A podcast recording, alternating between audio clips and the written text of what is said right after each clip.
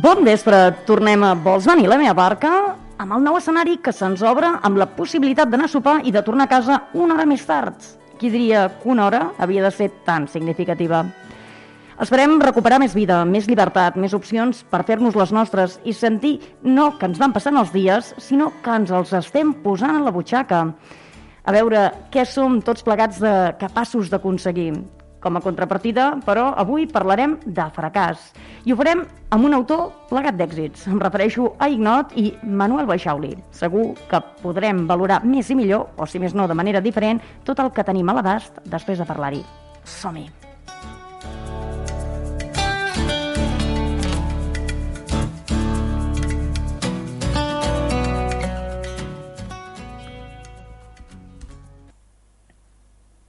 El Manuel Baixauli és escriptor i artista. De fet, a Ignot es barregen aquestes dues seves passions. I, de fet, ara ens fa un lloc per l'entrevista entre classes de pintura. Però presentem-lo una mica més, per tal de copsar millor qui és o qui ha esdevingut fins ara, si més no, en un dels seus vessants, el d'escriptor. El 1998 va publicar el seu primer llibre, Espiral, un recull de contes brevíssims en els quals ja manifesta unes obsessions que potser ja eren presents en la seva pintura i que no ha deixat mai davant del pas del temps, la mort, l'oblit. Després vindran les novel·les Verso, Premi Ciutat d'Alzira el 2001, publicat a Bromera el 2002, i L'home manuscrit amb la qual aconsegueix sis premis. L'home manuscrit, publicat el 2007. El 2010 ens va presentar una edició revisada d'Espiral. El 2014 va publicar La cinquena planta, una novel·la amb la qual va aconseguir el Premi de la Crítica dels Escriptors Valencians i el Premi Creixells. El 2016 va publicar Ningú no ens espera, un conjunt d'articles amb aire de dietari acompanyats de dibuixos fets per ell mateix. I finalment, i de moment ens quedem aquí, el 2020 va publicar Ignot, Premi Llibreter de Literatura Catalana. Manuel, gràcies per fer-nos una miqueta d'espai Bon vespre i bé, moltes felicitats per tota aquesta recolecta de premis i d'èxits, per tant. Gràcies. Gràcies. Bueno, els premis, el premi més important realment és tindre lectors. I això la veritat és que no em puc queixar perquè cada vegada en tinc més i és el que més em satisfà. Bé, doncs ara intentarem que en puguis tenir més, eh? Uh, parlant una miqueta bé de tota la teva trajectòria, en especial d'Ignot, perquè doncs és, és la teva última entrega i, i bé, i ens interessa especialment recrear-nos-hi. Deia que ets artista i escriptor, però bé, eh, hi, havia, hi havia una vegada, eh, com a, en els contes en què només eh, eres artista, i aleshores et vas començar a introduir en el món de l'escriptura. Com va sí. anar això? I com entens bueno, l'escriptura? Sí, jo em vaig fer escriptor sense voler. Jo tenia una colla d'amics que eren escriptors i que estaven en l'Associació de Joves Escriptors de, en llengua catalana i ells organitzaven congressos, viatges, dinars, i jo m'ho perdia tot perquè jo no era escriptor i era pintor. A mi em cridaven simplement per il·lustrar-los alguna cosa i tal, però jo m'ho perdia tot. Aleshores, el que vaig fer, dic, doncs vaig, vaig a apuntar-me a l'associació i així participaré en tot. Però, clar, com que era molt tímid, per, em feia vergonya apuntar-me a una associació d'escriptors sense escriure. I vaig començar a escriure contes. Vaig fer alguns contes mm, i quan ja en tenia uns quants eh, vaig veure que es convocava una beca per, per a projectes d'escriptura de, i, i vaig presentar una mostra del que havia escrit i em donaren la beca i em vaig veure obligat a escriure més contes. I així, quan em vaig tindre 50 pàgines, que era el que exigien, pues, em van, em van eh, pagar i després dic, què faig en això? Intentaré publicar-ho. Vaig buscar un premi on es poguera publicar i vaig trobar el Premi Ciutat de Badalona que acceptaven contes però que exigien un mínim de 100 pàgines. És a dir, em vaig veure obligat a escriure 50 pàgines més de contes. I em vaig presentar, vaig guanyar el premi i és el primer llibre que vaig publicar, Espiral, i a partir d'ahir ja no vaig parar. Hi vaig agarrar gust i vaig començar a escriure més, vaig provar la novel·la i, en fi, fins avui. El que es tractava era de començar i doncs vas començar així com a través dels amics, eh? I després aquí sí, ja està. Sí. Ara, mm. un no parar. Eh, eh, em va passar una cosa, i és que en el món de la pintura, que jo era on tenia el cap posat, tot era molt més difícil, i en la literatura, a, a mi, si més no, tot el que feia em donava resultats, i clar, era un camí que, que em sortia més fàcil. i al final s'ha imposat. Mm. Bé, a mi sí més no, eh? m'ha agradat aquesta mm. apreciació perquè eh, entenc que hi deu haver mm, persones que ens poden estar escoltant o no, però que sí. ho intenten i no se'n surten.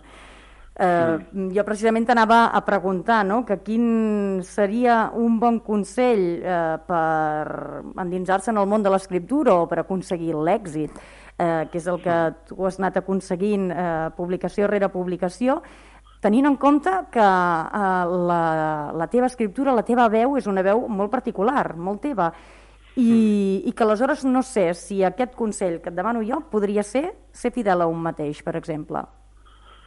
Ja, jo, a veure, el, el que sí que és importantíssim, jo quan vaig començar a escriure tenia dos problemes. Havia d'aprendre a escriure, eh, perquè sabia redactar, però no, no, altra cosa és fer literatura. I havia d'aprendre la meva llengua, que mai me l'havien ensenyat.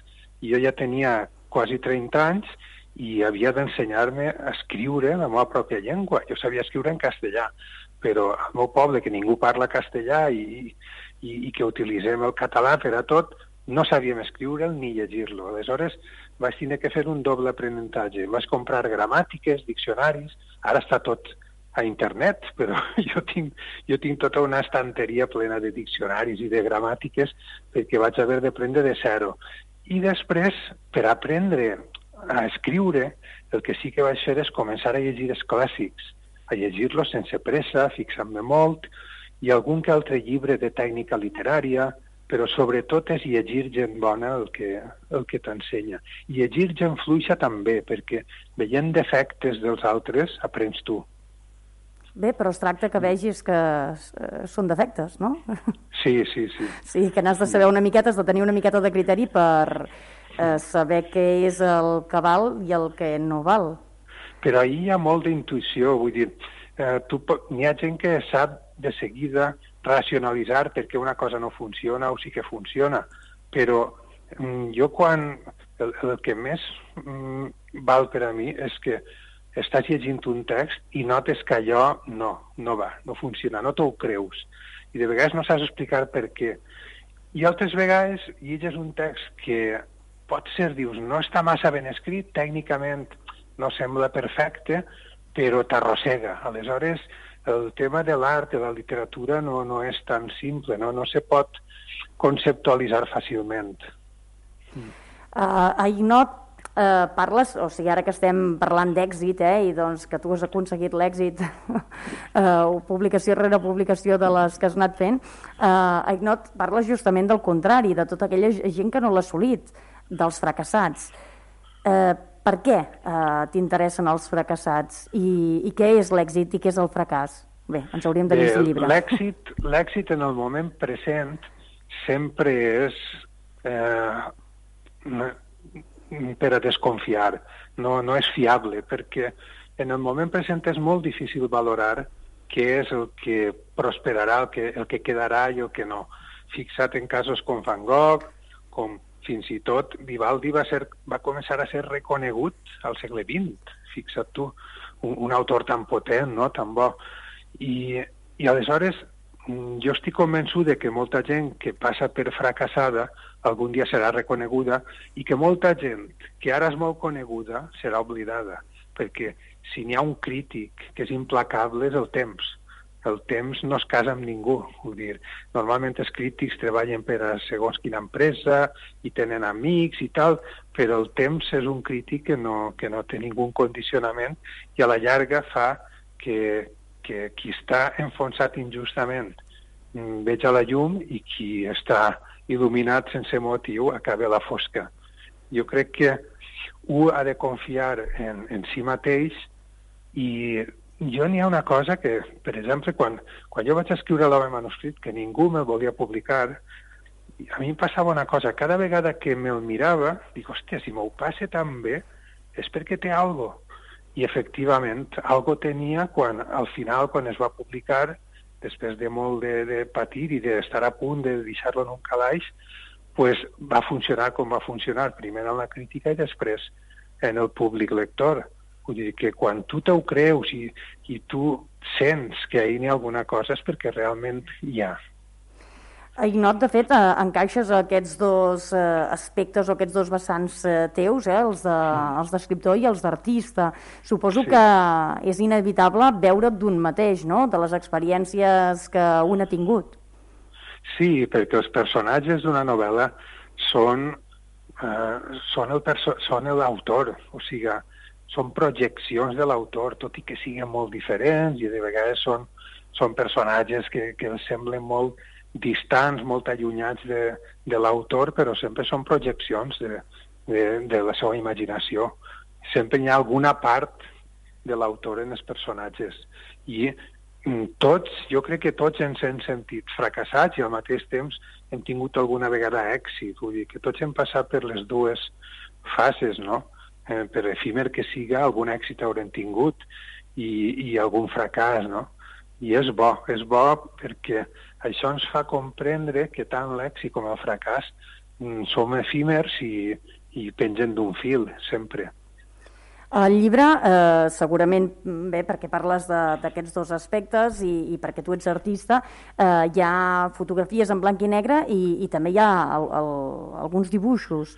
Um, no sé si això també eh, és una nova tendència a la qual s'introdueix la literatura catalana, perquè, per exemple, en Canto Jo i la muntanya balla també hi ha dibuixos. Sí, eh... jo vaig fer ja a l'home manuscrit, el 2007, i tampoc ho havia inventat jo, vull dir, això ja ho fa Sebald, que és un autor molt reconegut, europeu, i, i ja ho havien fet altres autors, no? Mm, jo aquestes coses no les faig per ser modern, per, per dir vaig a fer alguna experimental per sorprendre, no. Ho faig perquè crec que el text ho demana, perquè crec que això complementa el text i li dona un, un nivell més alt de versemblança, perquè jo normalment escric coses que són molt imaginatives, algunes oníriques, i de tant en tant pues, posar una fotografia del lloc on del que s'està parlant o coses així li donen un aspecte una mica més documental i equilibren un poc la ficció. De fet, tu com defineixes o com definiries Ignot? Perquè és un llibre que costa d'entendre, al principi sobretot, vas molt perdut, eh, però després, bé, de, tens la capacitat, clar, i aquesta és la gràcia, no?, eh, de que quan hi entres ja eh, t'embolcalla el, el text i ja t'atrapa i, uf, no?, i arribes fins al final eh, i això que doncs, és, és una, una novel·la prou llarga, estic mirant, 252 pàgines, eh, mm, i, i això, eh, quan hi entres llavors ja, pam, eh, vas, vas, vas directe, no? Però, però costa. Sí, jo és que els, a mi també em passa això quan el vaig escriure, o sigui, al principi anava cegues i a poc a poc vas, vas lligant fils i, i, i donant-li una coherència a, a la història.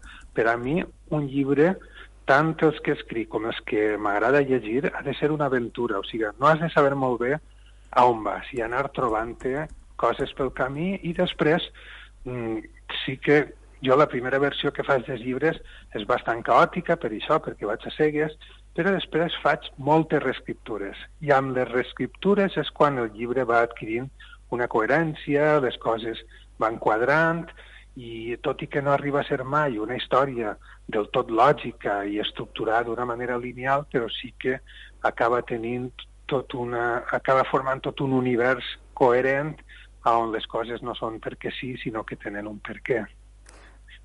Però doncs això s'aconsegueix amb la reescriptura, no perquè prèviament eh, tinguis un objectiu concret? En el meu cas sí, jo sé que hi ha escriptors que sí que es fan un esquema, per exemple, el Nabokov, pues, abans de començar a escriure la novel·la ja la té tota en el cap. A mi em passa exactament al revés, m'agrada no saber què va passar, perquè així m'ho passe bé escrivint, si no m'avorriria. I, I trobem, no sé si, si això és el que buscaves i si eh, ho trobaràs encertat o no, no, però una vomitada de sensacions i de pensaments al voltant de l'èxit o el no èxit, o sigui, el fracàs, eh, que a vegades també es mouen en l'àmbit filosòfic i que bé, que sí. et fan pensar molt, no? O sigui, et fas treballar molt el lector, que és una cosa que penso que mm, si més no, determinat eh, tipus de lector també creeix, no? que no li donin tot fet, que, que, que hagi d'actuar, diguéssim, eh, per entendre el text. Eh, sí. i, i, I doncs això, és, eh, és encertat, diguéssim, o sigui, cada, cada lector es quedarà eh, amb la sensació que bonament pugui tenir-ne no, del text, sí. però, però seria encertat això? Ho trobaries encertat? No té, el, el que jo escric no té mai una voluntat didàctica, sinó tot el contrari. És dir, jo sóc una persona que té molts dubtes i el que faig és eh, transmetre-ho al que escric i, i als meus personatges que entre ells comencen a, a parlar i a, i a plantejar totes les coses que, que, que a mi m'inquieten, no? I de la mateixa manera que de, de vegades em costa saber què pense sobre algo fins que no em posa a escriure, en la novel·la passa igual. Jo no estic, no tinc unes idees i dic vaig a plasmar-ho així, no, sinó que contant la història van apareixent les idees i, i les contradiccions i de vegades passa que um, dic una idea i al cap d'unes pàgines la contradic perquè és que jo sóc així, o sigui, tinc moltes contradiccions i molts dubtes i cap certesa. Però, però això també fa que el, el lector reflexioni, que és una cosa bona i necessària, de fet. Clar, és que dubtar té això, dubtar fa pensar i, i això és boníssim. El problema és de la gent que no dubta, la gent no pensa. Els escarabats de la coberta ens han de fer pensar en Kafka o, o d'on sorgeixen? No ho sé, però Kafka és un autor que segur que m'ha influït, imagina. Però dins de la novel·la ja saps que n'hi ha, en determinat moment es parla de, de la bellesa dels escarabats. El, amb la novel·la també, eh, dins de la novel·la, com de, deies ara, doncs, mm. eh, també parles, nosaltres et truquem des de Reus, eh, sí. parles d'un lloc que ens queda bastant més a prop que no pas la teva sueca, eh, mm. que és el Priorat. Eh, sí. Això està basat en, en fets reals? O sigui, eh, estàs parlant d'un indret que, que coneixes, que has trepitjat? Sí, sí. Mm, tot el que es parla en la novel·la és real, tot. Bé siga perquè totes les cases que apareixen a la novel·la, que són moltes, en totes hi he estat. Bé siga perquè hi he estat i he viscut allà o perquè ho he imaginat, que és una manera diferent de viure la realitat. El, eh, la majoria de les coses que ens passen en la vida, i segurament les més importants, es passen dins del cap, no fora. Aleshores, per a mi tot això és material, literari, es pot utilitzar. I el tema del priorat sí que és, és una experiència personal. Jo he estat allí quatre o cinc vegades en, en, el, en el poble aquest, el Molar, he vist les mines i tot això acabes aprofitant-ho, perquè quan escrius eh, tens, tens un punt de partida de la novel·la, però després tens un arxiu mental que és com un, un arxiu ple de calaixos on tens vivències, lectures, pel·lícules, coses que t'han contat i tot això ho pots utilitzar per enriquir aquella història que al principi potser és molt simple i va enriquint-se amb experiències teues. Um, però bé, ens parles, dius, està basat tot en, en fets uh, reals uh, o no sé, en coses en que fets, coneixes. no, però clar, aquí tenim dos personatges, heu dit també per mm. posar qui ens estigui escoltant una miqueta en situació, eh, que és el, el Mateu, que, sí. que, és, eh, bé, que, que, que, rep, que és un pintor que rep l'encàrrec d'il·lustrar els textos d'un escriptor que és, que és Crisòstom, no? que serien doncs, aquestes dues vessants eh, o facetes teves sí. que deia, no? la, la d'artista o la de pintor i la, sí. i la d'escriptor. Eh, I aquí es tractarà de veure qui, qui és aquest Crisòstom i anirem anant endavant i endarrere, eh? Sí. eh, endinsant-nos eh, amb totes tot això que estaves comentant ara, eh? aquestes reflexions, aquests, eh, aquestes vegades eh, contradiccions dels personatges, que de sí. fet són, són contradiccions, eh, com deies tu, doncs, que les pots tenir tu, són contradiccions humanes, no? Sí, que a vegades sí. un mateix no té, no té una clarividència de les coses i un dia pensa una cosa, o el mateix dia pot pensar una cosa al matí i a la tarda una altra, exacte, no? Exacte, I els personatges eh, també tinc el costum de basar-me sempre en persones que he conegut mm, poc o molt, tant si són vives com mortes. M'agrada utilitzar personatges reals, perquè això em facilita, mm, no, no m'he d'inventar la veu, el, els gestos ja, ja els conec més o menys, i em facilita molt la feina. I m'agrada, m'agrada perquè és una manera de, de, rescatar-los de l'oblit i, i de donar-los un protagonisme. O sigui que allà on anava la meva pregunta, que era si havíem de trobar eh, en aquests personatges, en el Mateu i el Crisòstom, alguna persona de carn i ossos, sí, doncs cal pensar que, que sí. Que ells, ells no ho saben. A mi em passa, quan vaig presentar el llibre a Sueca, que va, ser la setmana anterior al confinament, perquè ja no vaig poder presentar-lo més, però vingué, en, entre els que vingueren a que es dedicara al llibre venia un personatge que apareix i no ho sap, però apareixia al llibre. Vull dir, sol passar això. Mm. O sigui, s'ha d'anar en compte amb els escriptors, no sigui cas que després et passin a aparèixer allà entre les seves pàgines i que més no ho sàpigues, no? Perquè sí, com a mínim... Uh... A la gent li agrada, eh, aparèixer. Mm -hmm. Bé, depèn del que es digui, no? Vull dir que hi ha, sí. hi ha casos i casos, eh? Casos sí. d'escriptors que després s'han amistat amb tot un poble perquè, bé, donaria per molt. Uh, els, els capítols uh, acostumen a ser curts. Uh, això és per fer-nos més uh, passable i aquestes coses, doncs, ja deies, eh, que no, és, no fas les una... coses perquè sigui modern, però doncs sí que acostuma a ser ara sí. més uh, normal tenir uns capítols sí. curts és una decisió de la versió vuitena o novena. O sigui, no eren curts, sí que eren curts, però anaven seguits, no anaven en pàgines diferents.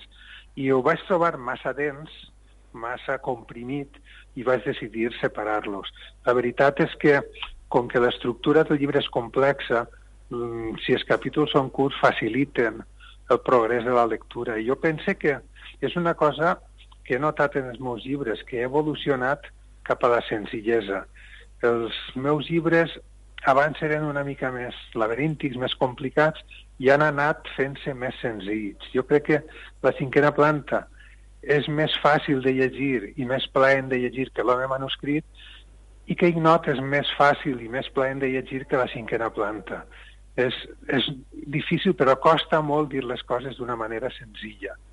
Tot i que jo comprenc que eh, l'estructura és complexa perquè estan parlant també de coses complexes, no? No, no és un tema massa senzill, no? No, no és un tema senzill, bàsicament perquè també costa molt saber en el fons de, de què estem parlant, però bé, estem parlant això, eh? d'aquest crisòstom que, que està com oblidat i doncs que anirem resseguint una miqueta qui és i, i a la estem vegada... Parlant, doncs... Perdó, estem parlant d'una cosa que jo, jo és que hasta que no acaba el llibre no sé de què he estat parlant. Vull dir, quan comença el llibre no sé què vull dir. I quan ja acaba la primera o la segona versió és quan ja dic, ostres, estic dient això més o menys. Jo crec que de lo que parla el llibre, així resumint moltíssim, és d'aquest petit miracle que és el talent artístic, que és una cosa imprevisible, vull dir, és una cosa que apareix eh, d'una manera totalment casual en, en, una persona o en altra, com es produeix un Picasso, com es produeix un Mozart. Són coses molt misterioses, perquè després hi ha altres artistes que els has programat, que els has posat tot a la seva disposició perquè siguin un número 1 i no ho són. I, i a vegades hi ha gent molt intel·ligent, molt culta, que es posa a escriure i el que escriu no té gràcia. Vull dir que és, és una cosa que per a mi és un gran misteri. Això potser es pot eh, transportar també a d'altres àmbits, no? Perquè hi podria haver algú que dediqués tota la seva vida, no sé, eh, a nedar i que, i que en canvi doncs, no assolís l'èxit i en canvi una persona que hi dedica molts menys esforços que, que aconseguís l'èxit. Eh, no, no, no, no seria ben bé el, el, el, un paral·lelisme ben trobat, eh? perquè se m'ha acudit així sense més, però, però sí que entenc que es pot eh, abocar d'altres àmbits de la vida és com la bellesa o, o com la veu. Tindre una veu preciosa, això no es, no es tria, te toca. És una loteria. I, i és el que n'hi ha. Jo conec molts escriptors, molts artistes que, que s'esforcen moltíssim, que tenen molt de nivell eh, intel·lectual, que tenen molta cultura, però que el que escriuen no, no, no t'arrossega. I després veu que, que a lo millor el sents parlar i dius, aquest home no t'ha trellat, i després escriu i té moltíssima gràcia, no? Això pot passar. I en les arts plàstiques passa molt. Mm. Bé, és que en les arts plàstiques és... Eh, és especialment a vegades eh, complicat tot això, no? Potser, jo potser perquè se m'escapa més tot plegat, però doncs si en la literatura trobo que a vegades hi ha un element subjectiu que, que és allò que dèiem al principi, no? Que tu doncs una cosa veus que no està ben escrita eh, o sí, no? I, I tampoc potser a vegades no saps ben bé per què, no? O t'atrapa o no t'atrapa i no saps ben bé per què, eh, hi ha un element subjectiu. Trobo que amb les arts plàstiques aquest element subjectiu potser hi és més. El que passa que potser els que sou del RAM eh, i en, es pot explicar tot. Murakami deia que en un llibre que té que parla sobre la tècnica literària, diu mm, per escriure bones novel·les no cal ser massa intel·ligent. Vull dir, la gent massa intel·ligent el té més difícil, perquè eh, has de tindre un grau de desconeixement, de, de, de, perquè eh, la gràcia en, en la literatura i en les arts està en el misteri no en el coneixement, no? Això diu ell. I, no sé, crec que té una part de raó, perquè sé de gent, no sé, per exemple, una persona com John Fuster, que era intel·ligentíssima, no va poder fer ficció, novel·les ni contes. Ell era fort en l'assaig, era el seu fort, no? I així n'hi ha molts casos. El Pla, per exemple, quan, quan intenta fer ficció, tampoc té massa gràcia. Vull dir que jo crec que per a fer una bona ficció igual no és bo tindre ni tanta cultura ni tanta intel·ligència que, que ha de ser un, un ànima un poc més innocent. Aquest, aquest seny, aquesta rauxa que diuen que tenim mm. els catalans, no? potser sí. a l'hora d'escriure t'has de deixar portar una miqueta més per la rauxa, no? per no intentar que tot quadri, que tot no sé què, eh, i, i endinsar-te en l'aventura, no? aquesta que deies que, sí. que emprenies tu quan et posaves a escriure. Sí, sí, jo crec que sí. Uh, Ignot del, és del 2020, ens ho, eh, es va publicar el 2020. Uh, ara estàs endinsat amb alguna altra cosa? Es pot explicar? Sí, no es pot explicar? Una novel·la, una novel·la també. El que passa és que està en la seva tercera versió, aleshores encara li queda molt. Mm. Bé, però sí, com sigui, continues eh, sí, portant sí. Les, uh, les dues facetes. Ara potser mm. ets més escriptor que, eh, sí. que, que artista. Sí, jo era un pintor que escrivia i ara sóc un escriptor que pinta. També pinte, però poc. Mm. Bé, això de pinta però poc eh, té, té doble sentit i doncs en literatura ara pintes molt, però, però bé, uh, s'entén, s'entén el, el que volies dir. De totes maneres, clar, sempre tens aquesta, uh, aquest plus, eh, que doncs, uh, malgrat tot pot ser rauxa, de totes maneres, eh, que afegeixes a la, a la literatura, aquest, aquest plus de, de ser artista i de poder veure les coses d'una altra manera i no sé si això també porta a ser més reflexiu o això ja és una cosa personal. Sí, a mi em va molt bé, sobretot quan estàs saturat, quan acabes un llibre, que és, que és com si t'hagueres buidat, i, i passes una, una petita depressió postpart. Quan ja l'has lliurat a, a impremta, tens com una petita depressió perquè te quedes buit. Has estat 4 o 5 anys convivint amb uns personatges que els has fet teus, que te'ls trobaves cada dia en el teu despatx, quan te seies a escriure, i de sobte desapareix tot això Aleshores, eh, en comptes de posar-te a escriure una altra cosa, perquè necessites passar el dol, pues, el que faig és dibuixar i pintar. I em va molt bé anar mm, canviant d'una cosa a l'altra per, per, per desconnectar també i després agafar-ho de nou amb ganes. Doncs estarem pendents de, de què facis ara, eh? o d'aquestes versions, sí. versions que estàs fent, fins a, que acabin sent un producte que puguem comprar i, i ja tornarem a parlar amb tu. Moltes gràcies, Manuel. Molt bé, un plaer.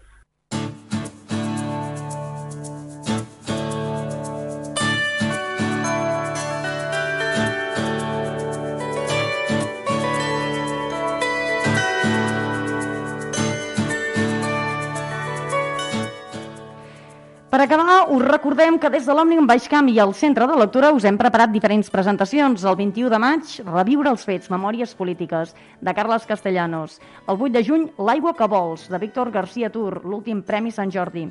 I el 18 de juny, Pel meu país, de Jordi Carol. Serà a les 7 del vespre, només en línia, a través del canal de YouTube Live del Centre de Lectura, en el primer cas, i en els altres també presencial a la sala d'actes del Centre de Lectura.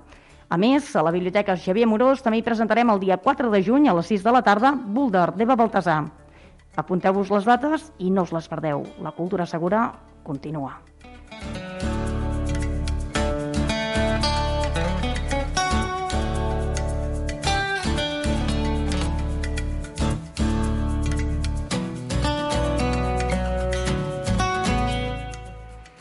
fins aquí arriba el programa d'avui i tornarem, si la pandèmia ens ho permet, la setmana vinent. Recordeu que ens podeu escoltar cada dijous a les 8 del vespre en primera transmissió i en segona dissabte a les 10 del matí per parlar de literatura i de cultura catalanes des de la nova ràdio, perquè creiem que és important acostar-vos als nostres autors i a la nostra cultura més propers.